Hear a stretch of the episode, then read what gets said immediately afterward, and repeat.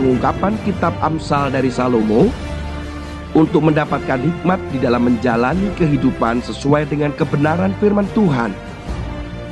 Dibawakan oleh Tony Nardiwiono. Selamat mendengarkan.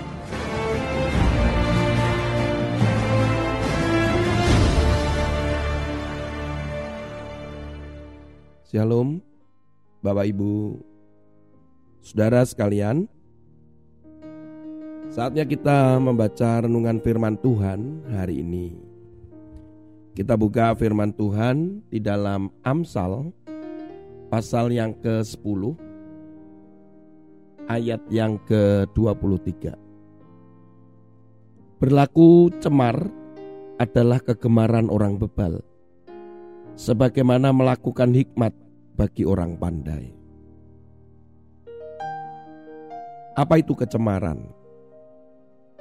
Ternyata orang bebal itu bertolak belakang dengan disebutkan dalam ayat tadi adalah orang pandai.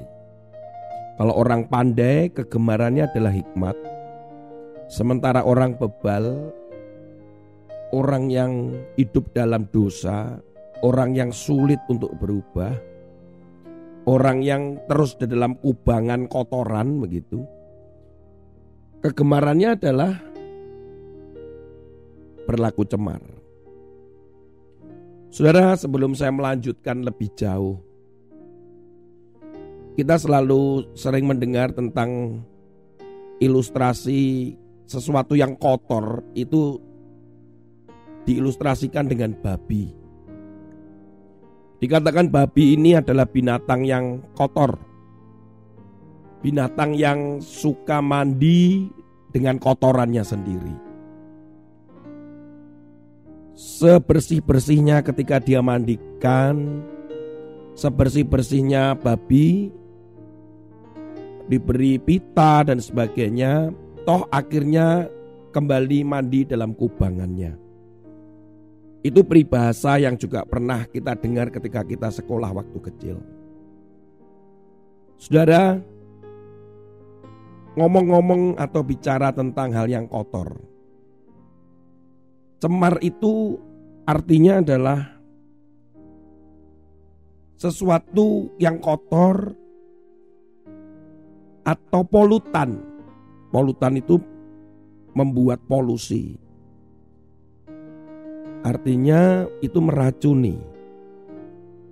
Kalau hari-hari ini kita di Indonesia dan di seluruh dunia banyak orang menggunakan masker.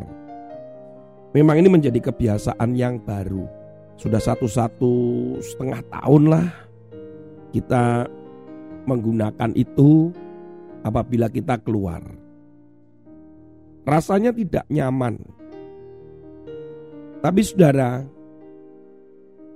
setidak nyaman-nyamannya kita,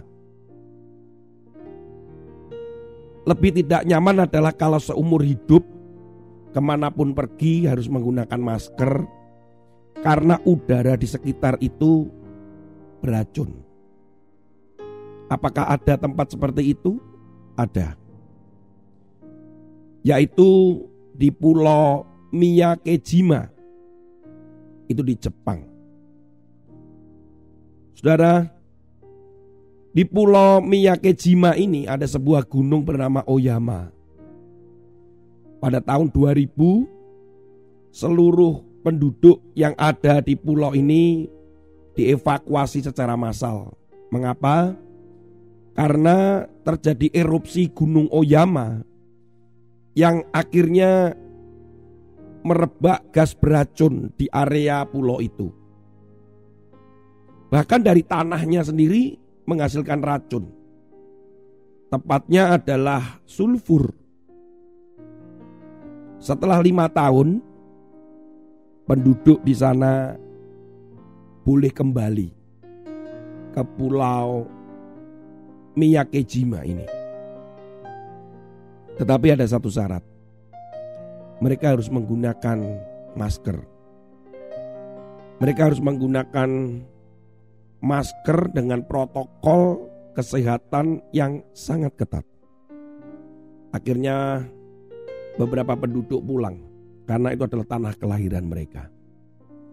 sampai hari ini masih beracun dan penduduknya masih menggunakan masker. Karena memang daerah di situ adalah beracun. Bahkan di daerah-daerah tertentu di pulau ini tidak boleh dikunjungin. Tetapi ada juga sih turis-turis yang mengunjungi pulau ini. Tetapi ya persyaratannya kembali. Para traveler, orang yang suka wisata, mereka harus menggunakan masker.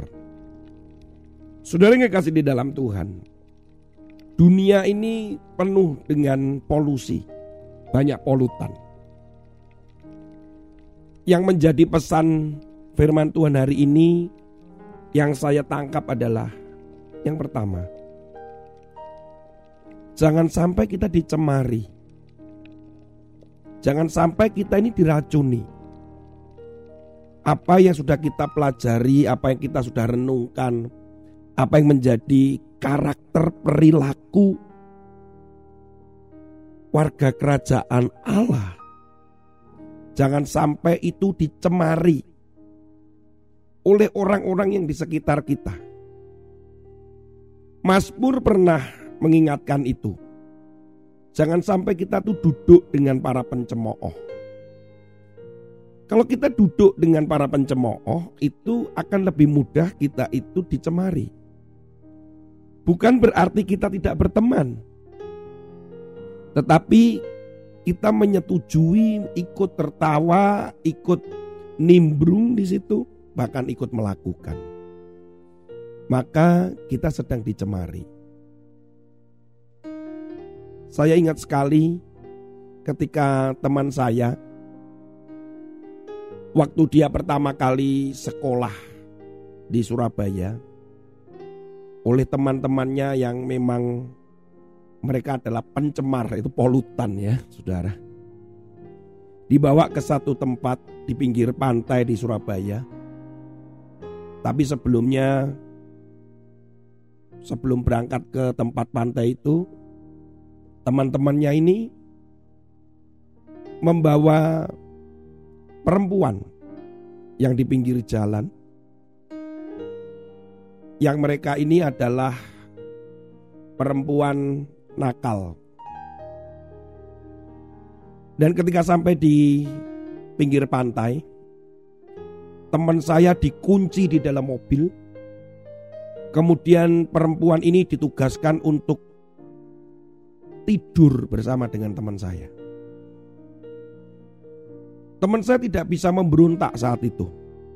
Dia cuma tidak mau tidak mau dan kemudian dipaksakan tetap, tetap masuk di dalam mobil dan dikunci. Saudara, puji Tuhan, teman saya yang cinta Tuhan ini, teman saya yang takut akan Tuhan. Dia minta kepada si perempuan jangan lakukan apa-apa. Dia sangat marah sebenarnya dengan teman-teman yang lain. Kemudian dia membuka mobil itu dan dia marah teman-temannya. Lihat saudara, seandainya hari itu terjadi perbuatan zina, najis itu, maka teman saya tercemari. Itu hal yang ekstrim. Ada begitu banyak di sekitar kita, mungkin di teman kantor, rekan sepelayanan mungkin bahkan Hati-hati saudara. Kita bisa dicemari. Oleh karena itu harus banyak hidup kudus.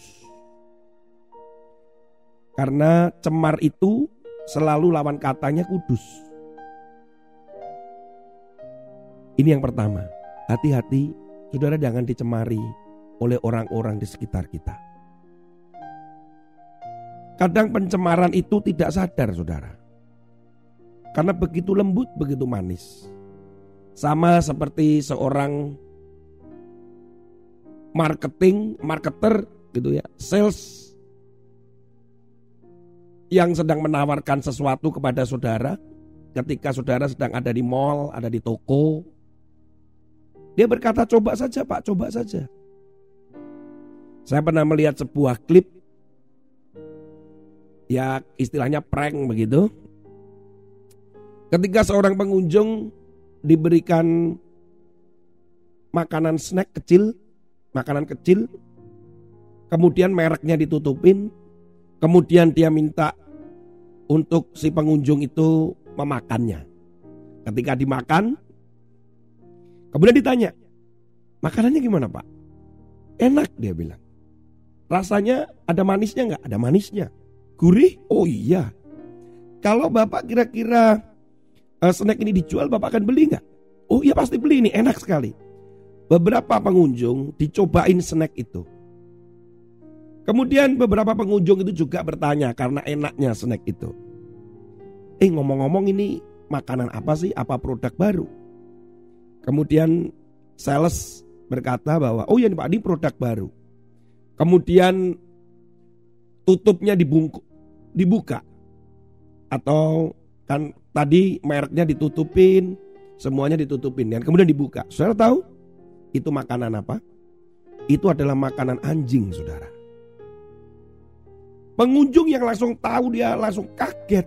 Ada yang langsung memuntahkan makanan tadi yang katanya enak. Ada yang marah. Ada yang tertawa. Saudara, sudah tercemari.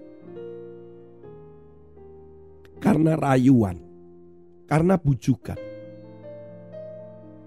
Dunia ini sudah cemar.